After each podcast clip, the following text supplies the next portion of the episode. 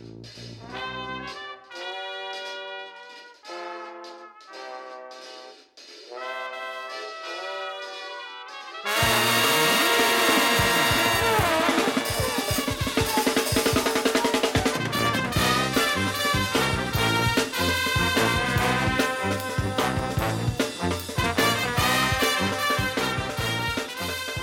Helo a chroeso i benod 95 o Ysbeidiau Heilog gyda fi, Lee Jones. A fi, Llwyd Owen, lle byddwn ni'n rhoi sylw i'r pethau bach sy'n gwneud gwahaniaeth mawr i ni yn ystod y cyfnod onco bonco diben draw hwn. O, ie. Yeah. Diolch i chi am rando, diolch i bawb sy'n gwrando pob wythnos a diolch mwy fydd atoch chi sydd yn rhannu'r gair ac yn lledeun i'r neges dros y cyfryngau cymdeithasol os ydych chi eisiau gwneud felly. Dych chi'n gallu dilyn ni ar Twitter at ysbeidio heipod neu ar Instagram sydd byth yn cael ei logio mewn iddi, ond uh, at ysbeidio heilog ydyn ni yn fanna. A hefyd, os ydych chi eisiau lluchio ceiniog, sgleiniog, rhithiol at ni, cewch gwneud felly ar codashfi.com blind slice ysbeidiau heilog. Hwch. Dwi'n allan o wynllwyd, mae hwnna'n waith caled yn diwedd. Ti'n mas o bractis ar ôl wythnos off, wythnos diwetha, Leisys. Ti'n gwybod, wel, ti'n gwybod be, dwi, dwi braidd ti siarad mewn pethefnos. dwi wedi just bod yn uh, istedd yma ar ben fy hun, heb ddweud dim byd, heb, uh, heb dy gwmni di, Llwyd. Felly dwi'n syni bod i'n gallu cael unrhyw air allan o gwbl. Uh, ond uh, dyma ni. Ti'n mynd i fod allan o wynt ymhen rhyw 30 eiliad, achos mae gen ti un o dy intros di i wneud. Oh. Pwy sydd ar y benod yma, Llwyd? Reit, yn ymuno gyda ni ar benod 95, mae awdur toreithog ac arobryn sydd wedi cyhoeddi dros 30 o gyfrolau wrth i'n recordio er o'i adnabod e bydd cwpl arall wedi cael ei rhyddhau cyn diwedd y pod. E, mae ei allmwn yn cynnwys llyfrau ffeithiol a ffuglen o Hanes Cymru yn The Story of Wales i'r nofel wych y storiwr enillodd Wobr Llyfr y Flwyddyn 2012. Cyhoeddwyd ei gampwaith ddiweddaraf, The Turning Tide, sef bywgraffiad o fôr Iwerddon ym mis Chwefror 2023, tra bod ei drioleg diweddar o nofelau trosedd Cymreig Y Diwch, Y Dial, Y Diwedd ar gael trwy'r lolfa. Mae fe'n reiddiol o Lanelli, ond bellach yn byw yn Rhegana. Dyma ddoethyr sydd wedi cael ei alw'n Stephen Fry Cymru gan neb llai na fi croeso mawr i'r pod i Dr John Gower. Hei John. O, oh. um, sy'n rhyfedd bod fi wedi blino gymryd os fi wedi gwneud gyd o stwff na. Sim stop arna ti, boi. Sim stop arna ti. Ond ti'n ti'n ti un o'n, un o'n awduron mwyaf blaen llaw y wlad. Um, a ti hefyd yn hanesydd. A dyna lle dwi eisiau dechrau uh, y sgwrs um, heno. Achos cwbl o fusoedd yn ôl, John, nath uh, yn, un o'n ffrindiau agosau, Al Te, shout out i Al, mae'n gwrando ar bob penod, um, nath e gael row ar Twitter gan Professor Alice Roberts am ddefnyddio'r gair Celt. A mae ma, ma Al wedi bod yn, yn crafu ei ben ers hynny, achos dwi e ddim yn deall pam bod ni ddim yn cael defnyddio y gair Celt mwyach, a rhaid, rhaid cyfaddau bod fi uh, yn cytuno dy fe. Um, so, o'n i'n gobeithio, gan bod ti ar, ar y podled, bod ti'n gallu esbonio'r sefyllfa i ni gyda'r gair Celt, John. Uh, Wel, dwi am amddiffyn y gair Celt, um, oherwydd llynedd ges i'r tatŵ cynta fi wedi cael yn yr hanes, a mae gen i'r gair Celt um, ar ochr chwyth yn benôl. Uh, so, gofodd e lot o arian, um, oedd e'n eitha poenus. Oedd oedd lot mwy poenus na'n disgwyl ei fod, a felly dwi wedi datgan yn ymrwymiad i'r syniad o fod yn Celt.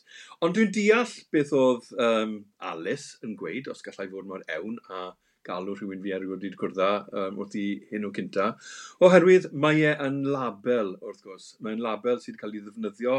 O'n i'n edrych ar y silffodd um, uh, draw pen prella'r stafell, a mae gen i sawl llyfr, a mae'r Celt, mae'r enw y, uh, y Celt, uh, yn uh, enw'r llyfr. Mae Marcus Tanner wedi sgwennu llyfr yn The Last of the Celts, Um, ond dwi wastad yn troi at, uh, os dwi ddim yn siŵr beth yw'r ateb, dwi'n troi at yr awdurdod ar hanes Cymru, achos dwi ddim yn awdurdod. Ges i, nes ti wedi bod fi'n hanesydd, ges i B yn lefel O. A fi ddim credu bod hwnna'n ddigon i'r um, awlio'r teitl hanesydd i ti. Ond um, oedd uh, John Davis, oedd yr athro John Davis, John Bull Clan, um, nath e sgynnu llyfr enw The Celts i gyd fynd â chyfres dyledu. Ac yn y llyfr yna, mae yn esbonio sut nath pobl, mwy na thebyg, symud ar draws Ewrop gan ddod â phethau fel uh, ceffylau, achos oedd ceffylau yn rhan o ddiwylliant Celtiad, oedd hefyd lle canolog i haiarn, a ni'n gwybod os ewn ni jyst i, i dop Cwmrhondda, chymod, yn mynd um, uh, um, uh, dros ochr ar, ar y llymynydd myna, mae yna le le taflwyd y sawl aberth neu cyflwyniad i'r diwiau ar ffurf haiarn a mae hynny, hynny digwydd hefyd uh, yn, yn Nis Môn. Felly, ni'n gwybod bod na rhyw bobl wedi symud ar draws Ewrop falle, chod, o'r len bell i ffwrdd, achos mae'n mae ddiddorol, mae yna rhai cysylltiadau rynt, er enghraifft, diarhebion yn Gymraeg a diarhebion yn, yn Sanskrit. Felly mae'r syniad bod ieithoedd, bron pob iaith i ni'n gyfarwydd yn nhw, yn dod o basn um, chymod, draw yn, uh, uh, yn India pell ac yn y blaen, yn falle yn esbonio tarddiad ieithoedd, tarddiad mathau arbennig o ddwylliant. Ond o bryd i'w gilydd, mae pobl wedi cymryd y term Celt a naill e meddiannu fe, neu clodfori fe, Um, ac yn union fel bethon ni, chymod, canrif a hanner yn ôl le oedd pobl eisiau creu'r syniad bod na Gymru a bod na ysbryd i Gymru a bod angen i'r ysbryd hwnnw ddeffro. Yn yr un ffordd, mi, mi roedd yna gyfnodau pan oedd pobl yn gwyntyllu, yn clodfori ac yn dymuno bod na un peth o'r enw'r Celtiad. Rhywbeth oedd yn tynnu uh, chymod, pobl yn yr Alban, pobl yn Iwerddon, y Cymru, pobl yng Nghernyw, uh, yn llydaw ac yn blaen i gyd at ei gilydd.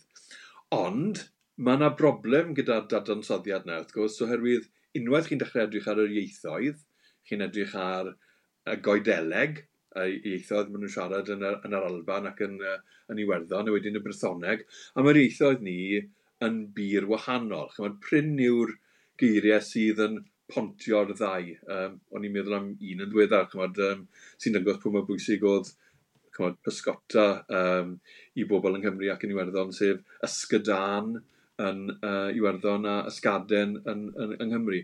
So mewn ffordd, chymod, mae defnyddio y term Celt a hefyd Celtig yn um, siwto rhai pobl. Mae'n siwto ambell i dîm pil drod yn yr Alban. Mae'n siwto ambell i gyngrair pan ni'n trial dod â phawb wedi gilydd.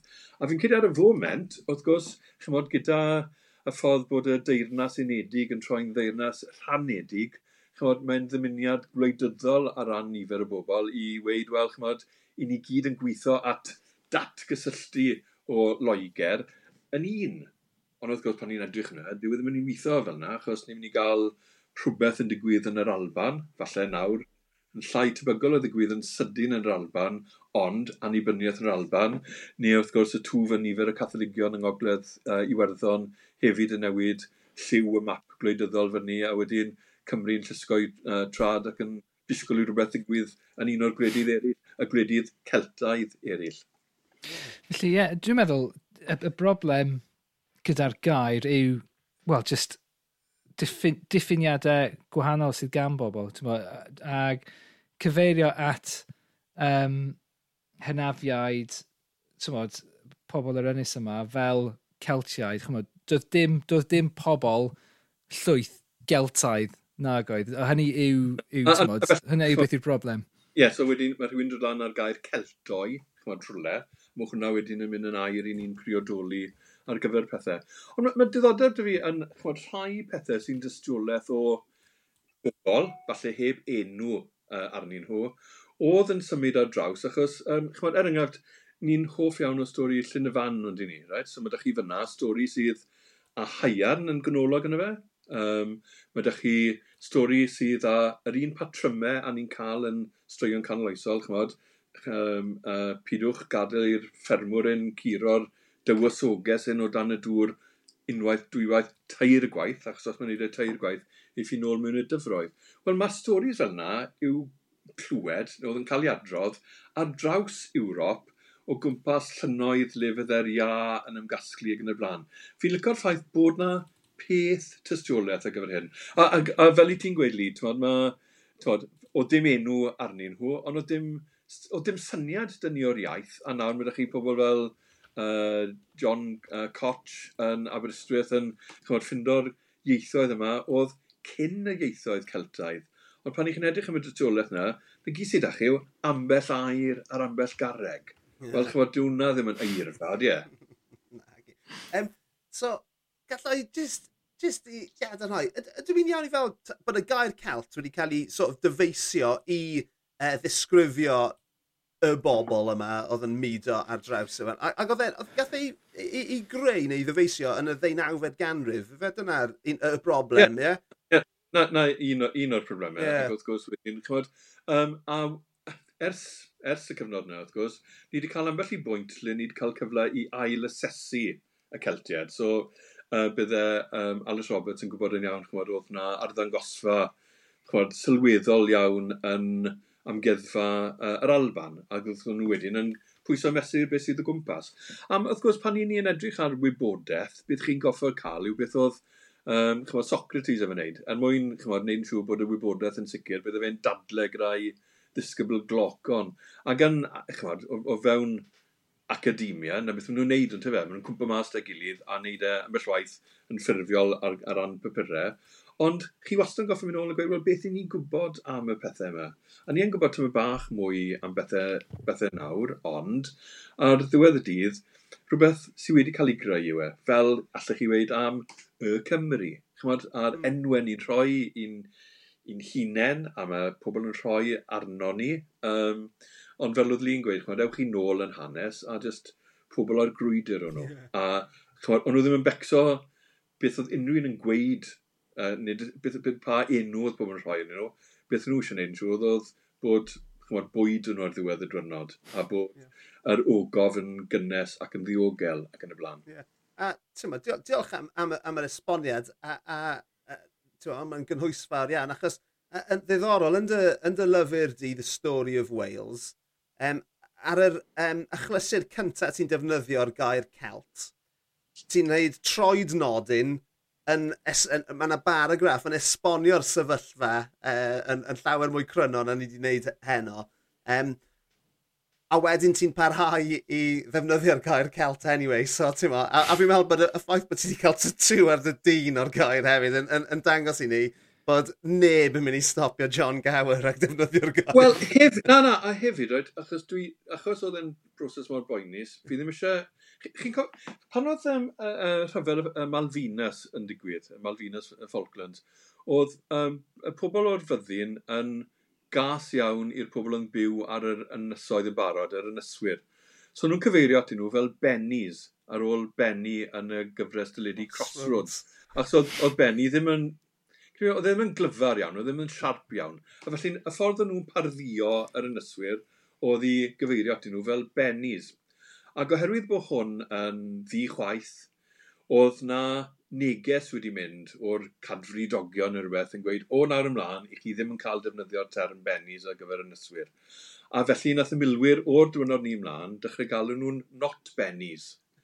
so, ddim eisiau i rhywun profi bod na ddim siw beth a celt, neu bydd rhaid i fi gael dim ar ochr arall yn ôl i weid dim celt, o'n i fydd. Super. Wel, mae um. Fi'n gobeithio bod uh, Al T wedi uh, mo, cael, cael yr holl wybodaeth oedd angen arno fe o'r agoriad yna. Diolch yn fawr ti, uh, John. Ond um, os gewn ni symud mlaen yna, achos mae gan uh, Lises Jones gwestiwn pwysig iawn i ofyn i ti. Wrth gwrs, John, beth yw dy hoff gaws ti? Wel, yn anffodus, um, dwi ddim, dwi ddim yn siŵr os os fi'r person cyntaf fydd yn gwneud hyn, achos fi ddim yn gwybod beth yw'r term Cymraeg am lactose intolerant, ond dwi'n medru prosesu caws yn hawdd iawn. So felly, dwi'n dod, dwi dod i parmesan felly, a'r pasta felly, ond dos na ddim, chod, yn yr hen dyddiau, cyn bod y peth yn yn mewn, um, mae yna math o gaws um, maen nhw'n cynnyrchu yn yn hoff le yng Ngogledd California, yn Point Reyes, sydd yn syniad fi mewn le paradwysaidd i fi, achos mae e fel yn hoff le yng Nghymru, ond mae'n fwy. So yn hoff le yng Nghymru, falle yw, mae'n naill yn ei sentlu yn neu aber uh, y gwendraeth. Ac os chi'n edrych ar aber y gwendraeth, dyw e ddim yn le diddorol iawn i weld, ond dyna lle le o'n i hypusa yn y mywyd, hwnna ac yn ei sentlu. Um, a mae dyn nhw rhywbeth yn nhw point raise fog, sydd wrth gwrs fel sawl caws yn defnyddio hainen o'r llwch o losgfynyddoedd ac yn y blaen. Ac yn ddiweddarach, wrth gwrs, maen nhw'n defnyddio llwch o'r tanau gwylltion sydd yn chymod, rheibio um, tirlun gogledd uh, California. So hwnna oedd yn, he, uh, yn hoff gaws i yn yr hen ddyddiau, ond nawr, um, os fi'n byta caws, dwi'n dal i brosesu fe chymod, wthnos yn ddiweddarach bron yeah, so paid, paid byth mynd yn agos at primula de, cheese spreads te, John, neu bydd hwnna'n ma hwnna aros yn y system yn tia, blwyddyn fi'n meddwl. Ond, oce, okay, digon teg, dim, dim, dim, dim, dim, ateb, dys dim ateb anghywir, ond, yn, yn, yn, yn gysylltiedig â'r cwestiwn am gaws, ni wastad yn gofyn, a mae hwn fel yn rhyw fesur o pa mor canol ddosbarth wyt ti, ond sawl cheese grater sydd gyda ti draw fan anrheg anna? Wel, gan wybod taw falle yr ateb gorau fydda i weid un yeah. ac un unig. Ond, os ni'n mynd at y busnes dosbarth canol un, mae'r parmesan ni'n cael, mae rhywun wedi torri fel an yn barod. Mae da ni grated parmesan mewn Gyda. So ni mor, ni mor ddiog i ni jyst yn agor paced a allws e ar y, I mean, ar y pasau felly. So byddai ni'n meddwl bod hwnna yn... Ma hwnna Naw allan o ddeg ar y draddfa dosbarth canol, byddwn ni'n meddwl. Definitely, definitely. Ti'n ti Champions League fyna. Ti'n ti just tu ôl uh, Richard Ellis ar ôl yr, yr ateb yna, John Gower. Ond briliant. A yn olaf, cyn bod ni'n symud mlaen, mae un cwestiwn arall am fwyd i ti. A ti'n ddyn sydd wedi teithio'n helaeth, John. A ti hefyd, ti'n briod gyda uh, Merch o America. Um, so, beth yw'r peth mwyaf rhyfedd ti byth wedi bwyta? Wel, allai hwn fod yn rhestr hir, ond Dwi'n cofio bod gyda mrawd yn Belize. Um, o'n i efo'n mynd i gynolbarth America pob blwyddyn, a o'n i'n mwynhau mynd o'n i'n licor perygl. Oedd y perygl yn rhan o atyniad mynd i lefydd fel Nicaragua, Honduras um, a El Salvador. Chymod, yn ystod y rhyfel, fi'n cofio mrawd a mynd e mynd ar y bus yng Nghywir a dwyddi lan yn San Salvador. Ac o'n i yng nghanol crossfire Oedd pobl yn saethu o bob cyfeiriad, a rydon ni lawr y, y stryd yn chwerthin, achos oedd e mor dwp bod ni'n ffyndon unan yn y soffa. A ti'n gwybod beth yw'n siapi, right? ti'n gwybod beth yw yn, yn dapu, yn gorfforol. Um, um, ond o'n i, uh, bydde Shane Williams fili dyl land fi a dwi'n yna. Ond un, tra bod ni yn Belize, o'n i'n stopio'r yn ambell i le ag um, y lager chi'n yfed oedd Belicin, sy'n swnio tymach fel Belic, a oedd e'n lager o hyll os nag oedd really, really o'r. A peth arall chi'n cael gyda'r lager, y pryd fwyd, oedd rhywbeth o'n nhw tri chicken. a ni rhywbeth oedd tri chicken, nes bod fi'n diwrnod mor ffôl a gofyn beth oedd tri chicken, a, uh, iguana oedd e. So oh, nhw'n dylad no madfallod yn, yn y coed, a wedyn bita'r rheini. Ond os chi'n edrych am y peth mwyaf rhyfedd a hefyd y peth sydd wedi rhoi mwyaf o bleser i mynd fel gwirin ieithwr, Um, o'n i ar warchodfa natur unwaith, a nath alarch farw yn y hedfan mewn i weiren. A wedyn wrth gwrs, yn dechnegol, yr unig berson sydd â hawl i bita uh, alarch ddof, uh, yr alarch wyllt felly miwt won, yw y frenhines a'i theulu. Ond wnaethon ni lwyddo i ddarnio um, alarch sylweddol iawn, achos mae'n bim trodfedd o'i mod, big yw gynffon. A wnaethon ni lwyddo i dorri fel lan mewn i darnau bach fel bod ni'n medru rosto fe mewn baby belling stof. Um, Gry oedd wedi cymryd oriau, ond oedd na bleser. Chymod fel, fi'n cofio cael sigaret cynta ges i, a chymod, o'n i ddim licio fe, ond beth o'n i'n licio wedi fe, oedd bod fi ddim fod i gael y sigaret ni, achos o'n i'n rifanc, a o'n i wedi mwynhau i dwynau o pacin yn had. Oedd yr un peth yn wir am dwyn o'r brenhines o'r treulu brenhinol, really. So, oedd na rhyw fath o sawr arbennig iawn yeah. i'r arall ni. Hwna'n ateb ffantastig, ond dwi, dwi eisiau just check o beth, siwt oedd yr alarch yn blasu a siwt oedd hi'n cymaru gyda'r fadfall? Um, Wel, oedd y peth o gyda y, y madfall, so'n gwybod, achos y peth o ti'n neud, oedd jyst fel, o ti'n yfed llwyth pan o ti. E, okay. A ti'n chwysu gymaint, right? A fi'n cofio un tro, gyda ni um, cystadleuaeth mewn un lle eto yn Belize. Um, oedd e'n le, chymod, edgy iawn. Oedd, um, gyda ni pobl yn rydeg ar ôl ni gyda machetes yn un lle, rhywun Orange Walk yn Belize. So, oedd e'n cadw chi ar eich trad, ond um, oedd gyda ni fel un o'r cystadlaethau na chi ond yn gwneud unwaith yn eich bywyd, a wedyn chi'n wedi dysgu, i weld pa Scotch bonnet o'n ni'n medru bita ac achos na'r chilis poethau, ie. A chyfo nhw'n edrych fel pupur, you know, pupur coch, na'i cnoi o'n... Uh, mae'n mrawd yn fwy tuff, mae'n ma, ma, ma, ma frawd yn un o'r pobl mae tuff a chaled yn y byd i gyd. So nath e cael ei fforddi yn uned anti-treiad, heddlu o Hong Kong, uh, oedd e'n Sandhurst nes bod e'n bwrw i sarjad mas o flan pawb ar y parade ground. Um, oedd e sort of ail gasglu ceir o bobl heb talu am y ceir o llefydd fel Toxteth gyda rhywun oedd wedi bod yn aelod o'r Iranian Revolutionary Guard. Mae'n fwy caled. Ond, un Scotch bonnet yn Belize, a oedd e'n just whipan fel plentyn. Oedd e dagren llifo. Ac wrth gwrs, dyw'r thing ddim yn... Mae fel sy'n digwydd gyda lot o chilis, pw fwyaf o ddŵr chi'n cael, mm. pw, pw, pw, pw leia effeithiol Mae'r dŵr wedyn, so oedd hwnna'n... Um, uh, a ni wedi cael un o'r rhai bach melun. Oedd hwnna'n boenus, ond oedd hwn fel...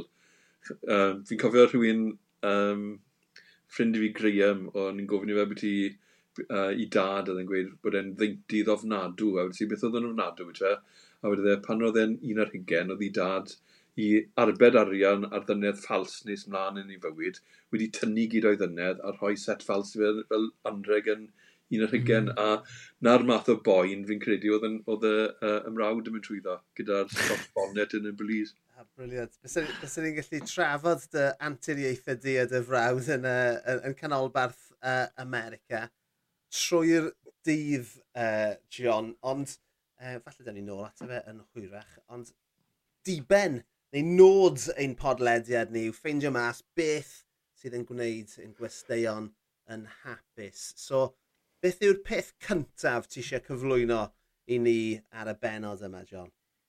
Wel, nes i roi rhaglas mewn ffordd, achos nes i wedi bod ti um, aber yr afon Gwendraeth. Mae yna ma, ma dwy afon, uh, y fach a'r fawr, yn llifo'r môr, ddim yn bell o gastell Cydweli.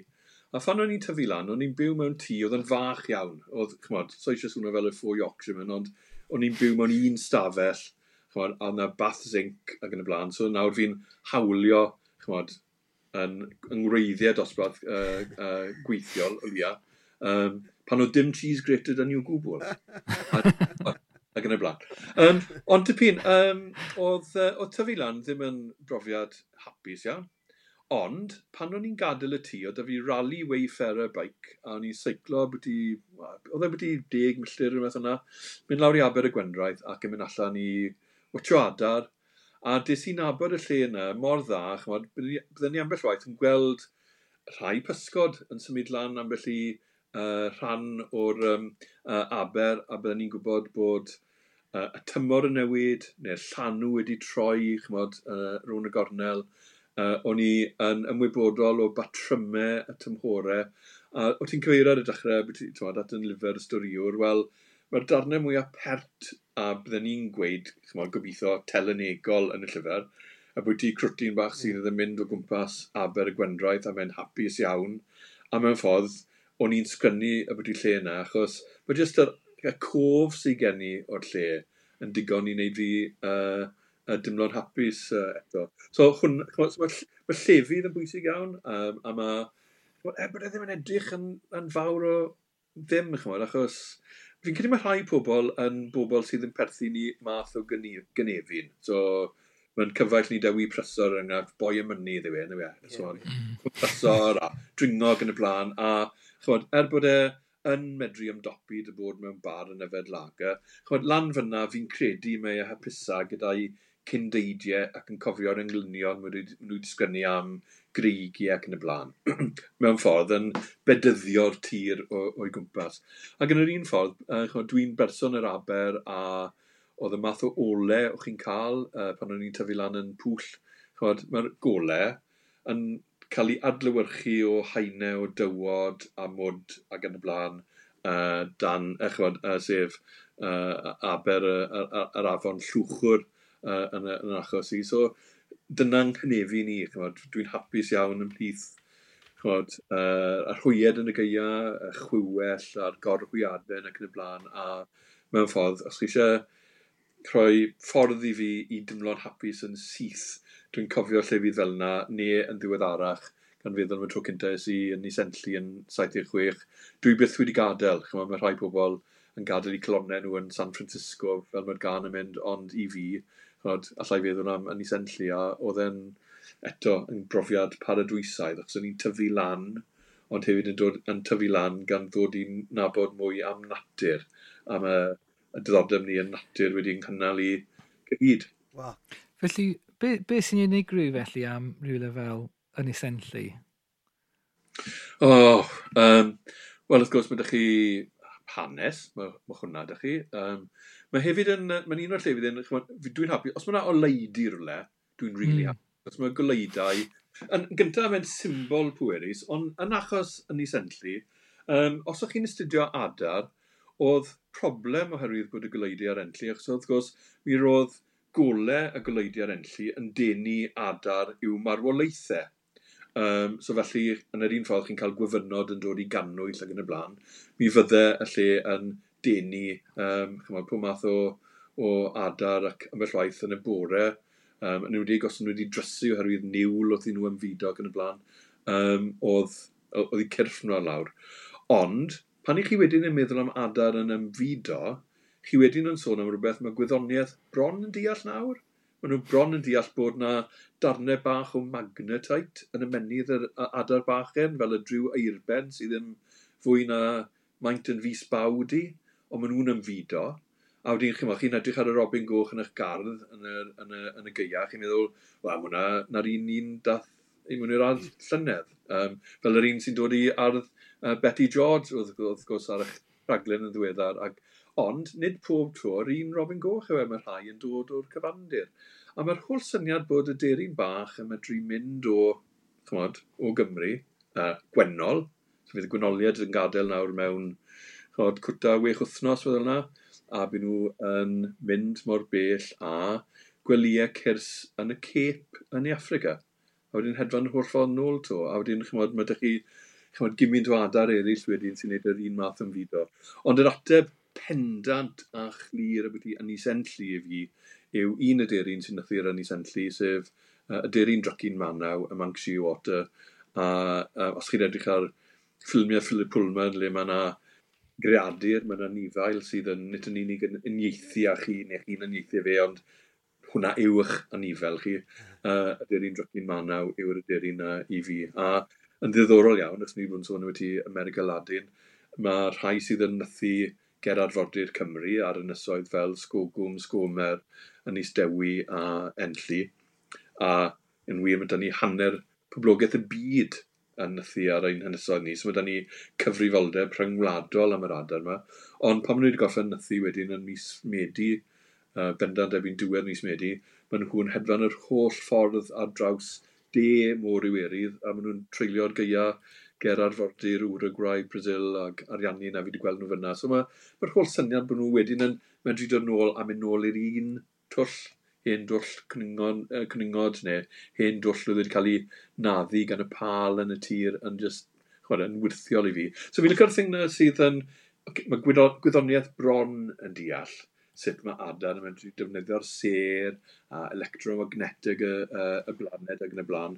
Ond mae yna hefyd rhywbeth arall, fi'n credu, um, sydd yn, Chwad, tu hwnt i'n deall ni beth waith, a fi'n lygo'r pethau yna sydd tu hwnt i ddeall. A mae enlli'n llawn y pethau yna. Um, un noson o'n i ar enlli, a o'n i'n cerdded ar hyd um, y llwybr sydd yn mynd lan i um, ochr gogleddol yr ynys, a clywon i canu mynachaidd. Um, oedd y pobl oedd yn y grŵp oedd yn cerdded tuag at y sŵn yn gweud mae'r sŵn yn mynd yn uwch nawr, fel bod na cwr go iawn ar ddiwedd y nis, a wedyn oedd y person oedd reit ar y blaen yn gweud, o, nhw'n stopid nawr. A wedyn o'n i gallu dal i glywed y pobl oedd yn crwydro tu ôl i fe, ond pan gyriddo ni rhyw bwynt, rhyw ffin, rhyw derfyn, falle ar y byd yma a rhyw ar allbyd, um, o'ch chi naill clywed y sŵn neu ddim clywed y sŵn. Anesboniadwy, ond yn gwbl gydnaws gyda'r hyn sydd yn arbennig y bod ni'n sentlu. Na pham pobl sy'n mynd i sentlu, am rhyw rheswm cael ei hudo. Nid pawb sy'n cael y profiad yma, o, neu profiad cyffilib, ond mae yna rhywbeth y byddu yn ei sentlu le fel fydde'r Celtied yn gweud. Bod, bod, y, bod y ffin yn rhai llefydd rent y byd yma a byd arall yn dyneiach. Um, a chwad, mae enllu yn, yn un o'r llefydd hynny fydden ni'n awgrymu. O, Oh, briliant. Wyt, wyt ti, mae hwnna'n uh, yeah, ateb anhygoel o dda. Um, ond, mae yna ma gymaint fi eisiau siarad gyda ti am. Yn gyntaf, roed ti'n am, amlwg, ti'n gwybod y stwff am sy'n dod i adar, a falle bod, uh, falle bod lot o'n uh, yn gwrandawyr ni ddim yn gwybod, ond o ti'n gweithio yn yr RSPB gyda Iolo Williams yn dod, yn dod ti ar, ar mo, amserwch chi'n ddynion ifanc, Ydw'n iawn?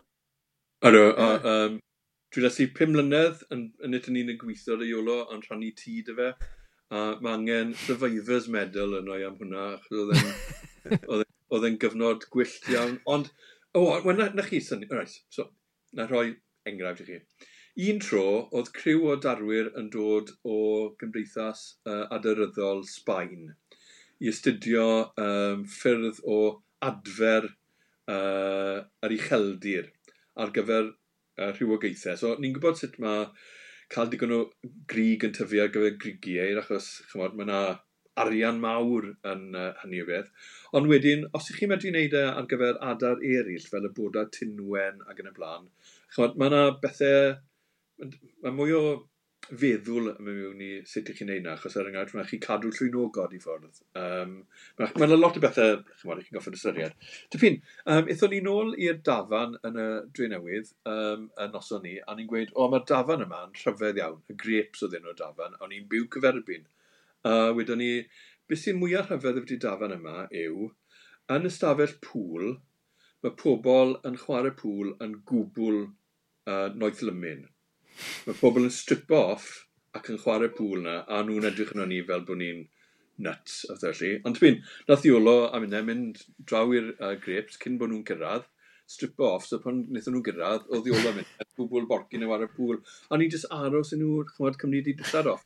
A wedyn, wrth gwrs, oedd yn oson, oedd lot o gin tonic, fi'n cofio hynny, a fi'n cofio oedd rhaid i ni mynd i ôl arian o'r cashpoint, a o'n i'n goffa gweud, mae'n rhaid ni ddod i rhywbeth ymlaen i fynd i'r cashpoint, neu ni'n mynd i fod chwan, mewn trwbl. A yn anffodus, oedd y boys yn oedd wedi dod draw o um, Sbaen, um, oedd y gynhadledd y bwr ar ôl ni, a ges o'n i galwad ffôn yn gweud le ma nhw, a nhw heb codio'r gwely, achos oedd mas yn partiad yn ni a chwarae pŵl um, noeth lymyn yn stafell gefn y grips. A oedd, oedd lot o stwff yna, ond ar y llaw arall, um, le o'n i wedi dysgu chymod, lot am adar uh, yn yn mywyd i. Gyda Iolo, chi'n sôn am y darwr maes gyda'r gorau. Uh, a fi'n cofio mynd â fe unwaith i Gregynog i'r um, y, y plasti yna sydd uh, i'r gogledd o'r, o'r Drenewydd. A fi'n cofio fe'n edrych ar glawdd a gweud, o, mae yna Derin di, mae yna fwy alchen yn nath i fan hyn, a ni ffili gweld dim byd. O'n i ffordd na gyd oedd e'r cael i fi. Ond nath e lan, a nath e tynnu'r uh, dail a dyngos um, chwod, uh, yr wyau yn y nith yn glid, a oedd da fe rhywbeth... Chwod, ac eto, gwyddoni ddew e, chwod, oedd wedi astudio y stwffyn yn wyddonol, oedd wedi astudio i coleg, ond eto, pan o'n i'n crwydro o gwmpas uh, yr aber, aber yr Afon Gwendraeth, Oedd e'n byw yn Llanwddyn, fwys Llyn Ifernwy ac yn y blaen, a fyna oedd e'n mynd i grwydro oedd ei hunan ac yn dysgu am yr ucheldir, a chymod, boi yr ucheldir yw e, boi chymod, uh, y bryniau porffor grig bydden ni'n ni dadle. A dyna le mae'n hapus, achos pan oedd e'n mynd lan, pan, pan fydden ni'n mynd i chwilio am y, y boda tinwen, a bydden ni'n eistedd lawr, a bydde, falle bydden ni lan chymod, uh, fi'n cofio un tro bod lan y ben ar yn fawddwy, canol gyia, a oedd e'n rhewi lan e. A wedyn nath uh, uh, yr hael torri trwyddo, a dde fel bod ni'n gweld gyd o Gymru ac yn y blaen.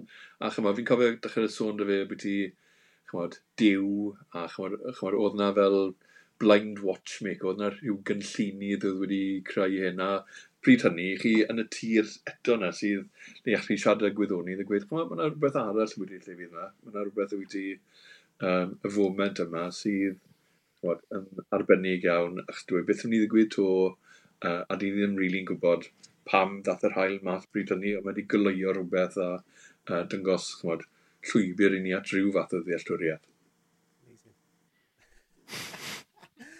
Alla i jyst ofyn ti hefyd, gyda, um, mod, gyda gysylltiad gyda Aber Afon uh, lawr, lawr yng Ngorllewin Cymru, um, wyt ti dal yn mynd nôl yna yn rheoledd? Wyt ti'n mynd ar y deulu lawr ffordd na? Os yna gysylltiad gan nhw fel, fel, fel plant sydd wedi tyfu lan yn y ddinas? Uh, na, mae'n ma, ma, ma plant... mae Mae yna un lle mae yn ferch i enga sydd wrth gwrs yn ymddiddori mewn adar yn licio mynd, a mae hwnna'n llyllu, sef pen clacwydd.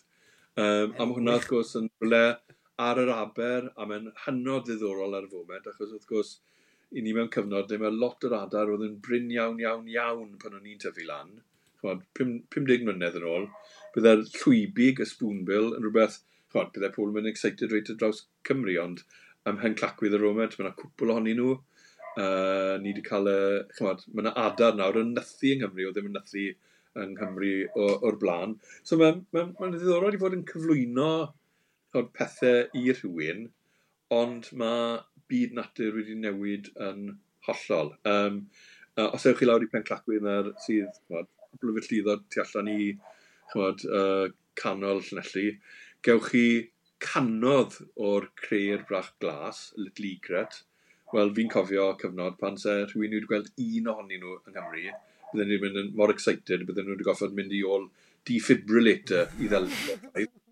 A nawr wrth gwrs, maen nhw'n nhw nythu, so ni wedi gweld nawr adar y can, o gwmpas môr y canoldir er enghraifft yn symud i Gymru.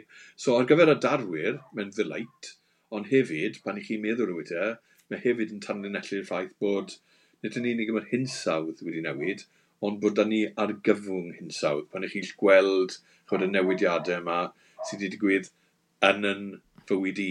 So, mm. hanner can mm. mlynedd, mae rhai o'r pethau... Chyma, fi'n... Uh, no, mae gen i ddyddiadur mewn rhywle. So, pan o'n i'n bedair ar ddeg, o'n i'n sgynnu lawr popeth o'n i'n gweld, a o'n cynnwys unrhyw nith, a byddwn ni'n ffindio nith y fronfraith ac yn y blaen, a fi'n cofio mewn un darn o hen um, tramwe oedd e'n mynd o, o pwll i Bury Port. Ffindas i pimp nith nawr, sy'n ni'n gweld un bronfraith. Chymod, byddwn ni'n mynd yn excited. So, mae'n ddiddorol i fod yn dangos rhywbeth i chymod, y genhedlaeth nesaf, a allai ddim dangos yr un pethau iddi ni, os mae'r pethau yna wedi mynd, a maen nhw wedi mynd rhai nhw i eb argofiant. Ie, uh, yeah, yeah, na, mae hwnna'n bwynteg. O'n i'n gweld bod, uh, bod y, y, y, y, efo'r efo Sumatran Rhino olaf wedi marw'r wythnos yma? Right. Uh, uh, Wel, uh, y peth yw, y peth yw nawr, ni'n ni, ni edrych ar bethau oedd yn gyffredin iawn. Um, meddylwch chi na, so, um, cwn ni weid bod ni'n bobl llengar. Right? Cwn ni disgweid bod ni yn driawd o bobl llengar yn trafod bethau. Right? Ni'n gwybod bod ein barddoniaeth yn llawn cyfeiriadau uh, at adar arbennig sydd wedi um, denu sylw y bair dros ganrifoedd, uh, y gylfunir y gog gan y blaen. Uh, mae Waldo Williams, er enghraifft, yn un o'i linellau gorau erioed, yn llwyddo nid yn unig i ddisgrifio chwod, sŵn math o derin, ond yn disgrifio y ffordd mae'r aderun hynny yn hedfan yn y gwanwyn. So, mae'n sôn y wyt ti callwyb y cornu cyllod, mae'r mae linell yn codi a disgyn fel mae'r gornchwiglen yn y hedfan yn y gwanwyn. Mae'n edrych fel rhyw fath o pili pala mawr. Ond um, os mae'r aderyn yn mynd, mae'n diflannu hefyd o'n barddoniaeth ni. Nid yn unig fel, chod mae'n berthynas mor glos rwy'n yn diwylliant ni, achos bairdd cefn gwlad sydd â ni yn draddodiadol, mae'n llynyddiaeth dynesig yn gymharol ddiweddar roedd o'n i aros i llwyr Owen chwad, i lun Siôn Eirian, i'r stwff na ddigwydd. Um, ond felly, chwad, nid yn unig mae cefn gwlad yn troi yn rhywle tawel iawn, heb yr adar yma, ond mi fydd yn barddoniaeth ni yn wacach beth hefyd. Ie, yeah, na, mae hwnna'n hollol, hollol wir, ond fel ti wedi sôn, mae'r... Ma ti, ti nawr yn byw yng nghanol, yng nghanol dinas Cyrdydd, pretty much. Right? Ti'n byw rhyw filltir o ganol y ddinas. Ond yn amlwg ti yn, ti'n mo, ti boi, ti, mae dy gysylltiad di gyda natur yn holl bwysig, right? A mae yn amlwg yn rhywbeth ti wedi rhannu a pas ymlaen i dy blant hefyd. E, mae dy, fi'n meddwl, nes ti grybwyll, mae dy, mae dy ferch di, ferch ifanc di, nath i, nath i uh, gyhoeddi llyfr uh, am adar, do? Am oedd i ti a deg oed, dwi'n iawn? Ie, yeah, chi wedi sgynnu e pan oedd yn wyth. Uh, mae, dath, ma, uh, dath, nath e gyhoeddi pan oedd hi'n deg mlynedd ddod, a ther rhestr fer llyfr flwyddyn. A wir, o'n i'n darogan fi hynny, byddai fe'n gwerthu mwy o gopiau na'n lyfrau i gyda'i gilydd. A maen nhw'n dal i shifto, achos um, dath y llyfr mas yn ystod y cyfnod clo, a fi'n cydio oedd hwnna'n rhan o chod, uh, yeah. am yn gweithio, achos lot o bobl wedi yn eisiau gwybod beth oedd enw'r adar yeah, yeah, yeah. A mae'n lyfr chymod, i blant gan blentyn, so oedd e'n syml yn, yn hynny o beth. Ond, uh, wel, mae'n rhywbeth ddiddorol fi fan hyn nawr. Um, Mae gen i um, i amlinelliad ar gyfer i ail lyfr, a fi'n just... Um, mae, gen, mae gen i rhyw syniad bod y llyfr yna, mae'n i werthu o, oh, lot mwy na gyd o'n lyfrau eraill gyda gilydd, os neu ffydd goffin sgyniau. E. Ond mae hwnna eto, chmod, yn yr un ffordd, mae'n plant ni'n dilyn ni, mae ma Lee yn mynd i gael i ail bentyn uh, cyn bo hir a'r newid byd sy'n dod yn sgil hynny, ond chmod, y pethau ni'n ymddiddori yn nhw, chmod, ni, ni ddim yn gweud bod rhaid i nhw cymryd diddordeb, ond os i ni yn siarad wedi pethau mewn, mewn ffordd sy'n haintus, mm. chi'n gobeithio bod chi'n gweud mae yna rhywbeth gwerth i warchod y byddu'r pethau yma. Um, mm. a, a, yn sicr gyda fod yn ferched i, mae yna tyma bach o'r ddiddordebau yn y ddwy o nhw, ond nid yr un ddiddordebau sydd yn, yn naill na'r llall. Ie, yeah, mae hwnna'n uh, yna, yna hollol wir fi'n meddwl, tew. os, os maen nhw'n gweld yr angerdd i chi'n dangos tuag at rhywbeth. Mae fe'n ma fe gadw i farc, definitely. A mae'n un peth yn wir gyda'n merched, merched i, ti'n ma, ma nhw, ma nhw di cymryd traits wrtho fi a Lisa. Ond, ond, on, on, on dim yr un rai yma, fel ti'n gweud, dim yr un rai, so mae'r ddwy nhw'n hollol wahanol, ond maen nhw'n rhannu traits gyda i, i, i, i rieni nhw. Oeddi'r ferched iddo yn, yn licor un math o fiwsig, achos i ti, ti'n mae uh, dy ddelighty yn mynd i mm -hmm. ymylon music, neu beth, a mae rhai'r pethau ti'n gryndo na, mae nhw'n enwe... Ydy, na, Enwe angyfarwydd i fi, cwni yeah. Ie, wel, ie, dwi yn, dwi'n dwi dwi dwi tueddu i, ti'n modd, gadw draw wrth y brif ffrwd, ond wedyn mae fy, ma fy merched i, y ddwy nhw i ar ddeg erbyn hyn, e, mae chwaith cerddoriaeth eitha da, mae fe'n eclectic iawn, ti'n modd, maen nhw'n gwrando ar your Tyler the Creators a stwff fel hyn. A, oh. a, ond wedyn hefyd, ond hefyd neith, neith Ariana Grande pop o lan ar yr, ar, ar yr iTunes hefyd, ti'n modd, bryd i'w gilydd. Oedd Elena wedi mynd i parti wythnos yma, ac oedd hi wedi bod yn gweud i ddylait i ffrindiau sut oedd hi wedi darganfod Kendrick Lamar oherwydd fi'n cyflwyno hi i Kendrick Lamar. Hmm. A ddysgu bod rhyw foi sy'n 64 yn cyflwyno, uh, y music yma yeah. i, i nhw yn, yn rhoi uh, tipyn swydd. So yn gwybod beth roi oedran dy blentyn dili? Mae hi'n bedair. So, so just, yeah. dechrau, just dechrau ag y music, neu o ti'n wario music? Yeah, wel, well, dyma'r thing yw, achos mae hi, well, mae hi obsessed gyda musical films, so um, mae yna'r ffilms Sing, Sing a Sing 2, lle mae nhw basically just yn gwneud cover versions o, tymod, clasuron a, tymod, cyneuon Elton John a pethau fel yna, mae hi jyst yn canu gyda nhw, a dyna so, ei hoff, ei hoff cyneuon hi. So Sing yw'r peth nath gymryd drosodd ar ôl Frozen, ie? Ie, ie, ie. So, oedd Frozen yn ar gyfer plant pyd ymlwydd oed cyn bod Sing yn drwmlaen, ie? Ie. Ie, dwi'n meddwl, ie. Petai, petai amnes rhyngwladol yn, uh, yn medru ymgyrchu yn erbyn y pethau yma, mae'n profi bod Sing a Frozen yn mathau o boenydio rhieni. Wel, mae gennym ni Frozen hefyd. A ti'n meddwl beth, sôn am sôn, cyfnod clo, oedden ni yn gwylio Moana. Dwi'n meddwl, ar un diwrnod, nath ni gwylio Moana tair gwaith mewn un hmm. diwrnod. Felly, ti'n meddwl, mae'r ma stuff yma, maen nhw just yn... Moana yn... Arteithiol. Mae Moana yn rhyfeddol, uh, ti'n meddwl, o, o weich, ond ie, yeah, ti'n meddwl, tair gwaith... Nid os ti wedi gweld y gymaint o fi. Mae'n anodd, orfod, wrth gwrs. Nes i ffind o ffordd perffaith o wytio Moana, mewn gwesti yn Burbank yn Ne California, achos oedd na... Uh, o'n nhw'n dyngos y ffilm i blant, oedd y blant yn mynd i watcha fe yn y pwll nofio, a wedyn oedd y rhieni yn mynd i eistedd ar ochr y pwll nofio yn yfed margaritas. A oh. wedyn, lot dy fi watcha fe, dwywaith, waith, deg gwaith os oedd angen. Ni'n cael mewn, mewn welediad go iawn i fywyd John Gower fan hyn heno. Rwyt, oedd hwnna'n ateb, ti'n rhyfeddol, fel bys ni'n disgwyl wrth ti, John. Um, ond ni yn gofyn am ddau beth sydd yn gwneud ti'n hapus, so ar wahân i margaritas, os gyda ti rhywbeth i uh, rannu gyda ni? Wel, mae hwn yn ei fod yn ystrydebol braidd, ond, um, hynny yw, llyfrau yw'r peth, um, yn enwedig dyddiau yma, os allai i ddarllen llyfr, does dim rhaid i fi ddarllen. Os fi'n darllen lot o lyfrau adolygu, fi'n darllen lot o lyfrau sydd yn bwydo mewn i lyfrau fi'n ymchwilio ac y blaen. Ond os allai gael, chymod, bore, uh, le allai ddarllen rhywbeth sydd ddim rhaid i fi, a jyst darllen e mwyn pleser, uh, dwi'n hollol hapus, achos y rheswm fi'n sgynnu yw achos o'n i'n really hapus yn darllen pan o'n i'n grwtyn. Um, ac oedd, chwod, yn hat ci um, wedi gweud drosodd a throsodd throsodd pwy mor bwysig oedd e i ddarllen llyfrau. Um, fi'n cofio fe'n gweud na fel tôn gron. Ac ar ôl i Thomas John farw, Nes i sylweddoli oedd un peth oedd yn ironic iawn y bwyty ti yn hatci yn gweud hyn, os oedd e ei hunan yn anllythrenog.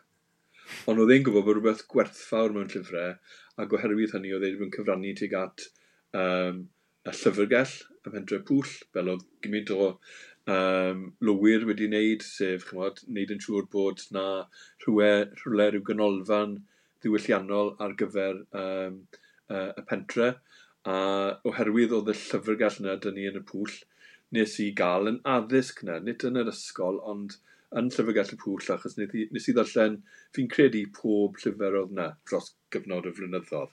Gan ddechrau gyda llyfrau blant, a nhw gyd yn, chwan, o dim perthnasedd o gwbl gyda mywyd i, St Trinians, a llyfrau Samuel Crompton, neu llyfrau am Bigglesflies West, Bigglesflies East, llyfrau oedd yn clodfori diwedd yr ymerodraeth chymod, Brydeinig mewn hmm. ffordd, mm. lot o'r rhain, neu chymod, anturiaethau ysgolion bonedd, neu y math o bobl chi'n cael yn uned Blackton, ond o'n i dal yn darllen nhw ac yn mwynhau nhw. Dyma nawr fi'n edrych nôl yn meddwl, oedd hwnna yn weird, ond oedd ddim mor weird a beth chi'n cael yn y llyfrau ffeithiol yn Llyfrgell y Pwll, oherwydd, a fi'n cofio darllen The Birds of Surrey, na'r unig lyfr am adar oedd yn Llyfrgell y Pwll, ond oedd The Birds of Surrey, Ond fi'n dal yn medru gweithio chi wyt sut oedd hwyed mandarin yn thir yn Virginia Water oherwydd darllen am wyt nhw yn y llyfr yna.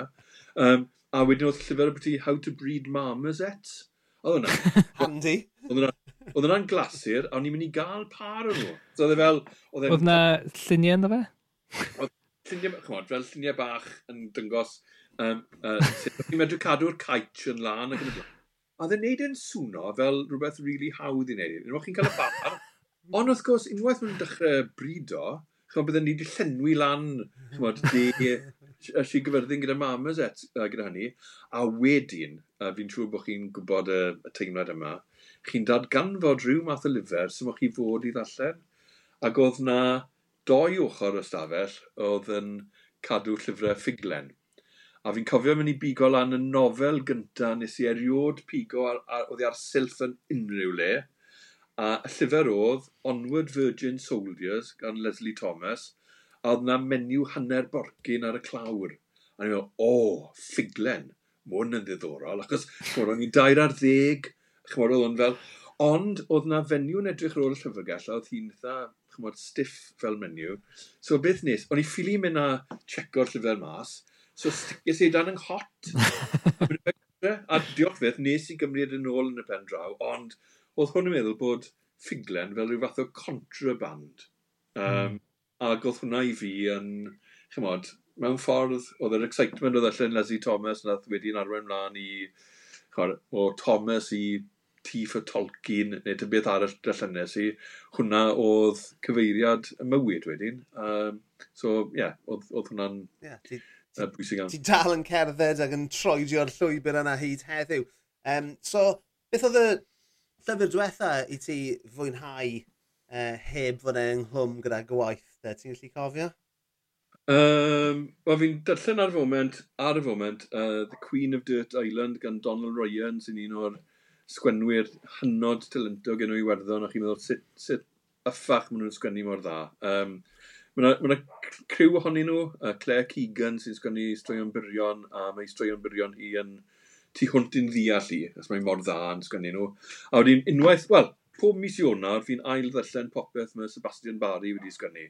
A mae'n sgwennu am gwahanol gyfnodau yn Iwerddon. Yn debyg iawn i beth oedd Emir Humphreys yn neud yn y nofel yn Saesneg yng Nghymru.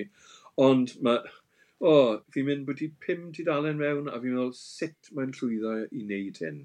Chod, fydd na...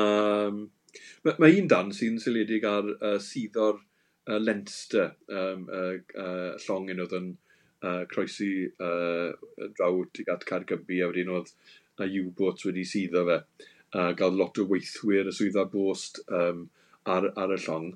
Ond wedyn wedi chmod, sgynnu bwyty hynny mewn tryddiaeth a mynd mlaen am dwy tair tudalen a mae'r pobl yn dan y dŵr yn boddi ond mae'n dal wedi wneud i chi gredu bod chi yna gyda nhw a mae jyst fel, mae'r jyst gallu yna i gael chi'n cael eich mygu gan bwysau tonne uwch eich pen chi, a, a twyllwch, a, oh, chod, so mae yna bobl fel yna um, fi'n uh, uh, fi mwynhau. A wedyn, um, uh, o arben y rhestr, os, uh, mae yna lyfr sy'n sy ddim, ddim wedi dod mas o, ond allai weid yn barod, dyma llyfr gorau sydd yn, yn y nyfodol, i achos fi'n tristo fe gymaint, bod nhw Kevin Barry, Um, mae Kevin Barry yn dysgynwr... O, oh, chod, pan chi'n edrych ar y ffordd mae'n ei pethau, ffindodd y mas bod John Lennon wedi mynd i ynys fach a Gerard Rodri'r Iwerddon am dridiau. A wedi mynd troi mewn i nofel. Um, um, a mae wedi gwneud cam really clyfar yna, at wedi bod yn sgynnu wedi stwff yn Iwerddon, a wedi mae un stori sy'n seiledig yn, yn ne Sbaen, ond mae'r llyfr nesaf yn Montana. A mae yn enwedig Missoula, Montana, yn rhywle le fi'n credu un diwrnod fi'n mynd i fyw. Nid dyhead yw e, nid dymuniad yn rhannu, ond fi'n credu un diwrnod fi'n mynd i fyw yn Missoula, Montana. Nes i sbonio hyn, neu nath yng Ngwraig esbonio hyn i'n fam yng Nghyfraith a gweud, rhywbeth, mae rhai pethau, ti'n meddwl, yn odd wedi John, a un o'n nhw yw, bod y boi yn sy'n dod o pentre pwll, od, uh, pentre ôl ddiwydiannol, yn ne Cymru yn credu bod e'n byw yn Missoula Montana, sef 60,000 o bobl yn byw yn hysgod mynyddoedd y Bitterroot, a nath i mam gweud, oh, I do know Missoula Montana, that's where uh, we spent our honeymoon. A wedyn oedd e fel, oh, so, mae hi'n deall beth yw'r uh, uh, dyheadyn. So, felly fe nesaf Kevin Barry yn, uh, yn Montana a fi'n trysto roi gymaint, fi'n gwybod pan ddif y llyfr llyfrau mas, fydd e yn un o'r gwreion. Ond uh, ar y foment, fi'n dallan yn ffordd trwy rhai llyfrau a'r rhestr llyfr y flwyddyn eleni. A mae yna bethau, chymod, uh, y rhai nhw, da ni byth wedi darllen, o'n i bai am bod y rhestr ni. Gwyd bod, um, i ti, wel, i ddoi chi, so, so, fi'n gwybod beth mae dy blentyn yn gryndo yna, sef um, music o ffilmian, fi ddim yn siŵr beth i, i, i, i ti'n gryndo, ond fi'n gwybod gyda gyda llwyd mewn Gymraeg, pob, uh, pob math bethau, ond oedd uh, llyfr Jude Rogers, The Sound of Being, Sound of Being Human, sy'n mm. anhygoel fel biwgraffiad ohoni hi a'i ffrathynas gyda cynnion pop. A, a oedd hi'n siopa yn yr un llefydd a fi yn Llanelli. Oedd hi'n mynd i'r un llefydd yn Stepney Arcade ac o'n i ddim yn gwybod am y berthynas yna, yr interfenywyn sy'n sgynnu'r Guardian, ond oedd hi'n byw yn Caslwchwr a ddim mynd i, i goleg yng Ngorseinon ac yn y blaen. A, um, So, na un o'r pethau fel ni gyd yn gwybod, uh, pan ych chi'n dechrau darllen, mae'n just fel, mae'n mae'n drysorau di ddiwedd a chi'n mae'n llawn pethau chi'n darganfod a na beth sy'n excited wedi. A fi'n fi, credu bod e, o'n i'n, oedd da fi chwilfrydedd pan o'n i'n ifanc, mae dal da fi, a fi'n credu bod e'n sort of cadw chi'n ifanc, nag e? Ie. Ia, mae'n, ma, ma, ma rhywbeth ni'n ni, ni, uh, ni rhannu yn llwyr dwi'n, uh, dwi'n ddarllen llen o'r, wel, dim, dim brwd yw un ar y gair, achos mae just, ma, dwi just yn peilo trwy llyfrau. Um, Dwi'n dwi, darllen er pleser rhan fwyaf ddo i fod yn dig. Ti'n ti addysgwr, um, sy'n sy darlithio. Yn, yn yr adran Saesneg wyt ti yn, yn brifysgol efo? Wel, ie, yeah, yn dysgu sgwennu credigol yeah. i fi. Ond fi, ddim yn, fi ddim yn dysgu mewn dosbarth gyda ni, dwi ddim yn fi wneud uh, doethuriaethau a okay. chmod, mae'r berthynas yna wedi bod yn hollol wahanol, mae wedi bod yn ddwys iawn. Chwmwch chi gyda rhywun am tair blynedd, mae'n llwaith llaeth wech mlynedd, a dyma mm. falle yw y llyfr maen nhw'n mynd i sgynnu, a fi wedi bod yn ffodus iawn achos mae pobl fi'n cael fel um, disgyblion.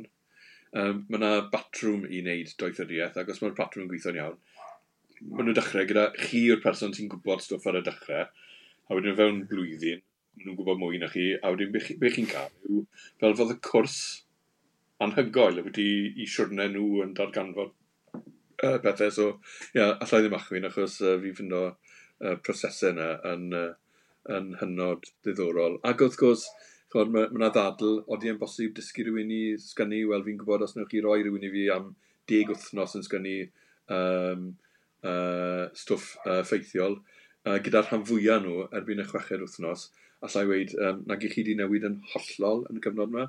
A beth dwi'n neud? Dwi ddim yn athro. Nid, nid oherwydd fi a beth i fi'n dysgu nhw.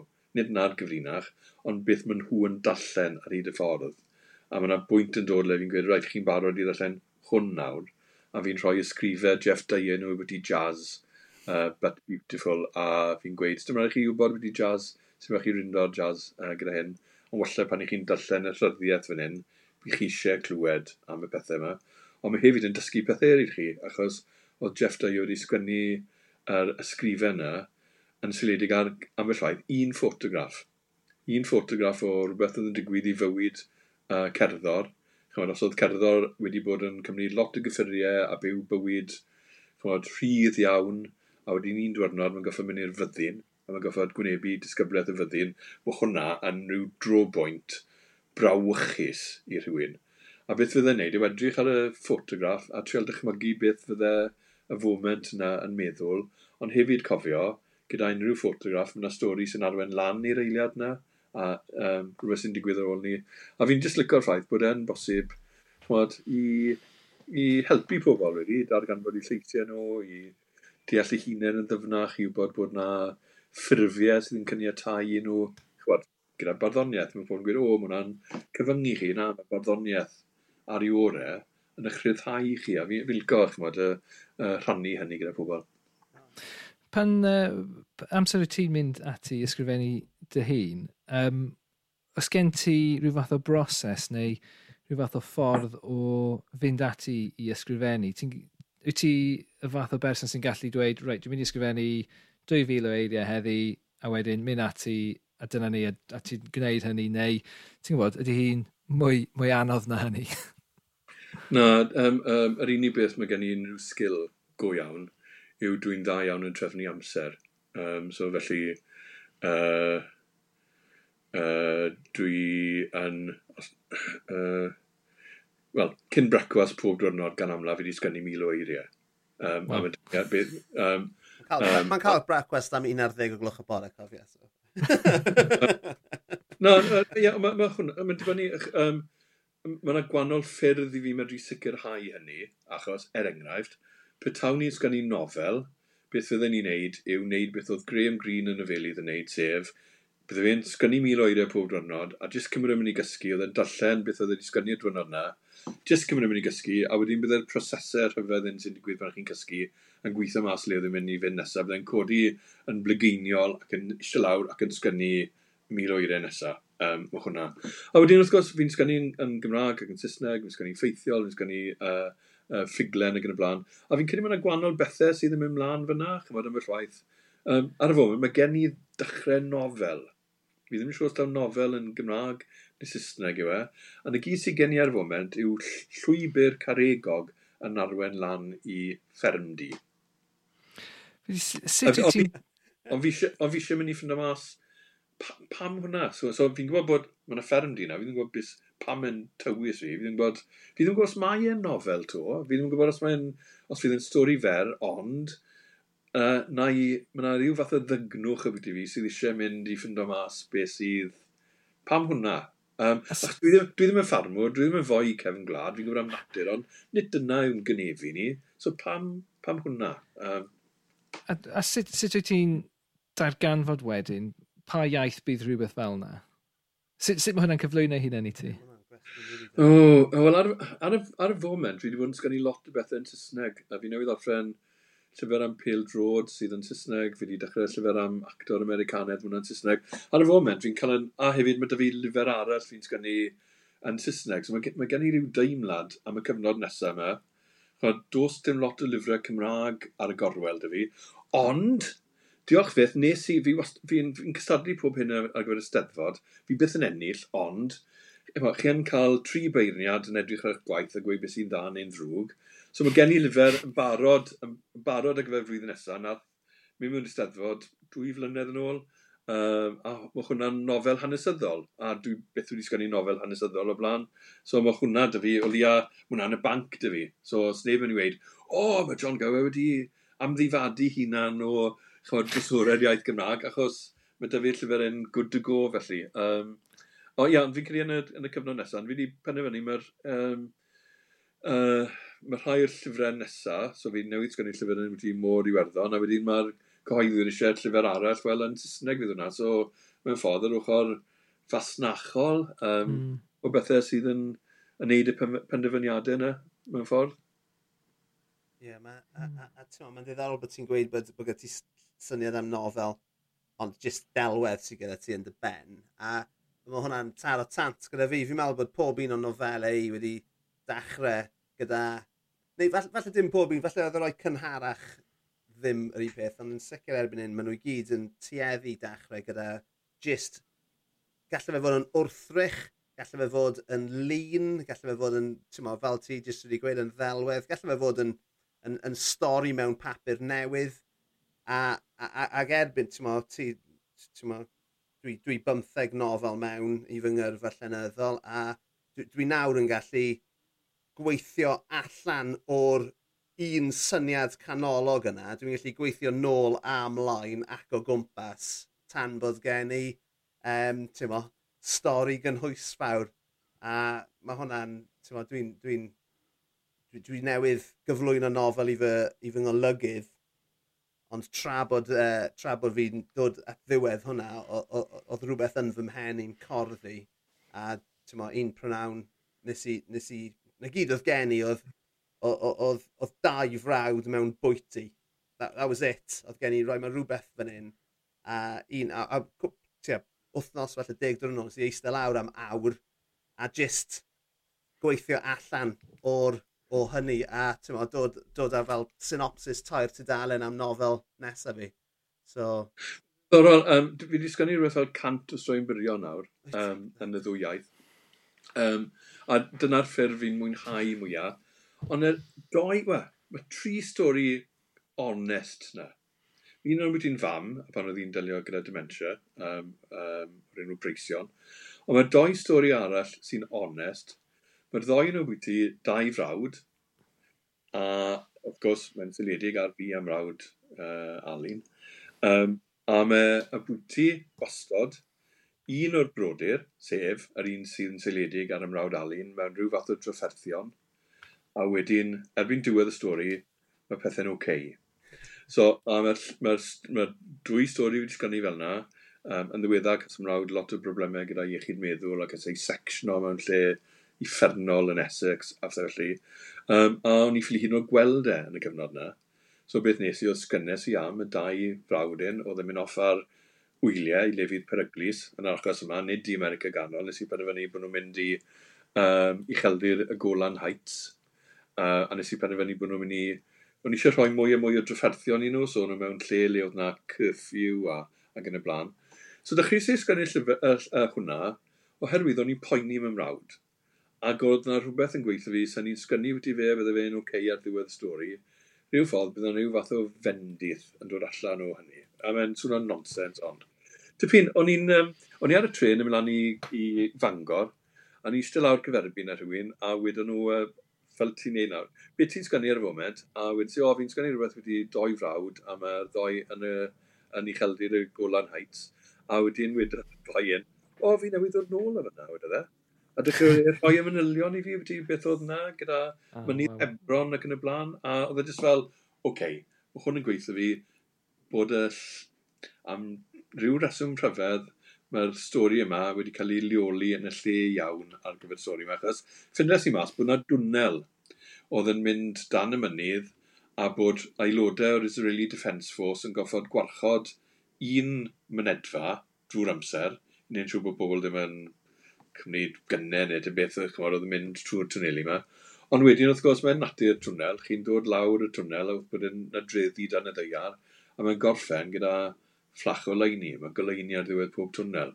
So oedd gen i felly yr un math o ddelwedd ti'n sôn o beth. O'n i'n gwybod yn y pen draw, na gyn oedd rhaid i wneud o dilyn twnnel y stori, a bydde yna o leini ar y diwedd, a bydde ni'n sgynnu hwnna, a bydde ni'n tymlo tymlo bach yn well o wyt ti'n mrawd. A chod, mae yna bethau anesboniadwy wedi sgynnu, pam ni'n neud e, chymod, um, pam mae pobl yn dyllen yn gwaith, pam, chymod, ac yn y blaen.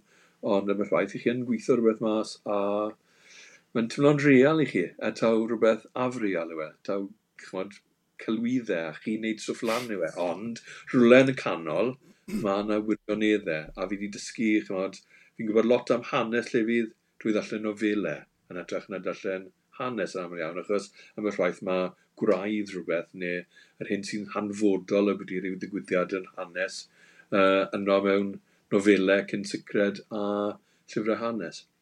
Boom. John Gower am westau, am atebion rhyfeddol. Diolch yn fawr i ti. Uh, cyn, cyn bod ti'n uh, yn gadael ni, um, a gallwn ni siarad trwy'r nos wrth gwrs, ond um, ni jyst eisiau gwybod i unrhyw un sydd, uh, sydd ddim yn gyfarwydd â waith di, ble maen nhw'n gallu ffeindio dy lyfrau di, os na, os na one-stop shop John Gower mas na? Uh, so mae'n ma ma anodd achos um, mae'r llyfr gorau sgynnes yn Gymraeg, hwnna, nath hwnna ddim wneud yn dda iawn. Oedd e'r rhestr fer Llyfr y Flwyddyn, ond os fi'n sôn am, am falchder, fi'n credu oedd just yr uchelgais sydd yn y llyfr Norte ah, yn...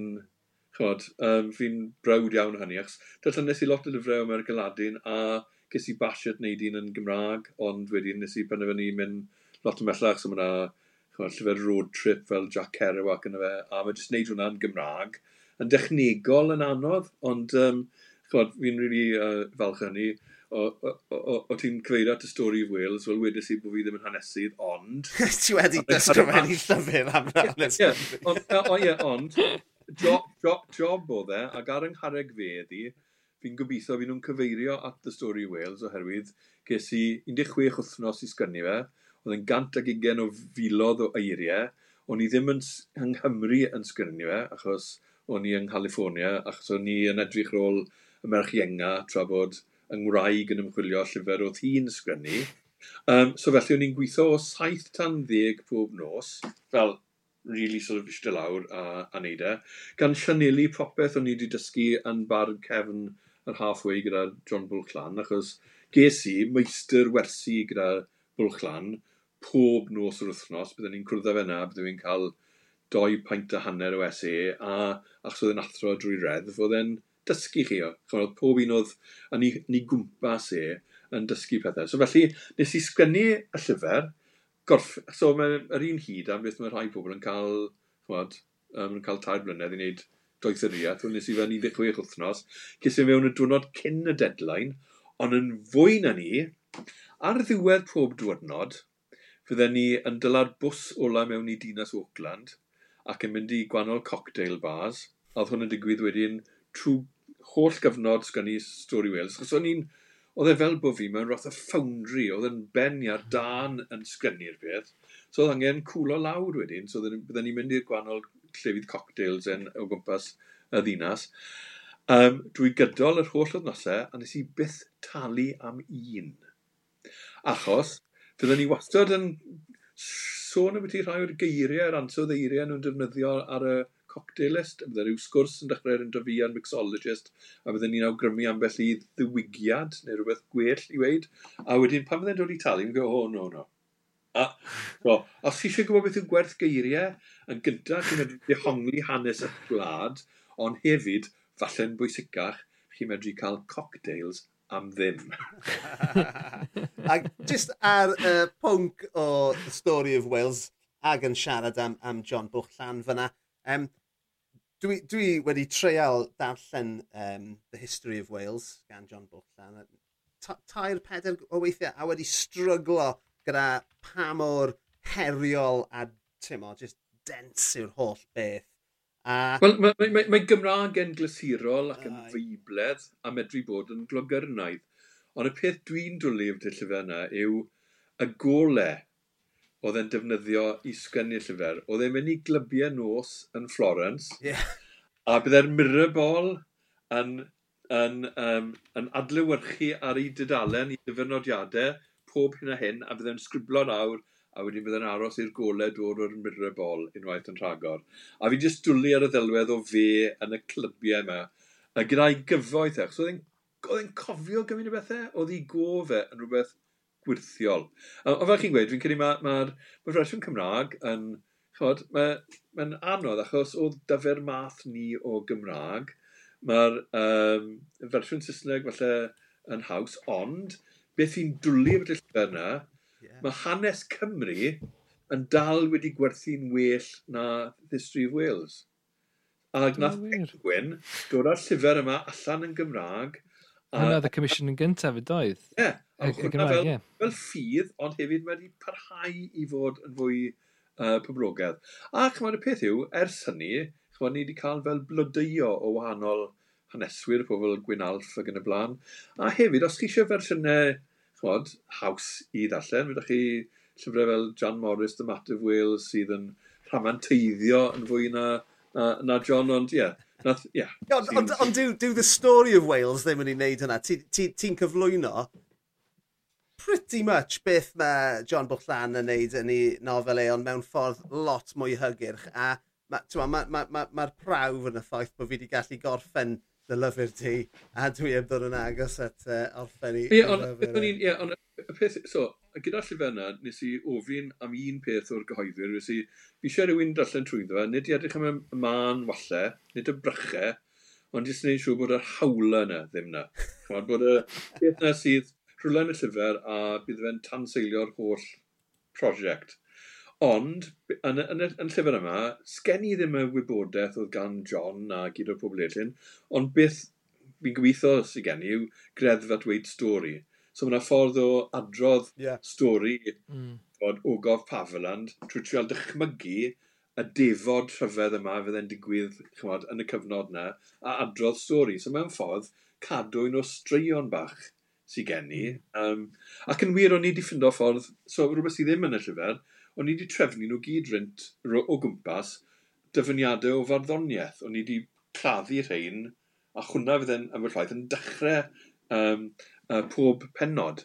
Ond, achos bod e mewn cyfres, wel, oedd yn cyfres o ddoi mewn ffordd, oedd The Story of Ireland yn newid o mas, so nhw eisiau hwn fod yn debyg i'r llyfr nath Neil Heggett i sgynnu, so golles i hynny. Um, ond, ie, yeah, so y greddfad adrodd stori, achos bych chi'n neud yw cofio yr hyn oedd yr athronydd Carl Popper wedi gweud yn fawr, nath ei weid, does na ddim siw beth a hanes, dim ond hanesion. A felly dim ond fersiynau sydd dan ni, o unrhyw ddigwyddiad. Um, so felly, chymod, mae hwnna'n rhoi hawdd hint i chi wedyn i ddychmygu i raddau, achos na beth mae pob hanesu da yn goffod wneud. Mae'r ffeithiau yna, ond ar ddiwedd y dydd, maen nhw'n goffod dychmygu rhywbeth. Fel er enghraifft, dychmygu bod na siwr math beth a rhywun allech chi alw yn celt. Oh, chef's kiss, John Gower. Ti'n gwybod, ti'n gwybod bod hwn wedi bod ar y radio a'r teledu ers blynydde, dit ti? Am am ddiweddglo perffaith. Cilchdaeth rownd pen John Gower. Diolch fil i ti am gadw cwmni i ni, John. Um, os nag ych chi wedi darllen llyfrau John ein gwrandawyr hyfryd, cerwch i'w wneud. Mae nhw'n eclectic. Um, mae yna rhywbeth i bawb bys ni'n gweud yn dy all catalog di John. Um, a ie, yeah, just diolch fil i ti am rannu dy ddoethineb a dy ddisg gyda ni heno. Diolch fawr, croeso mawr.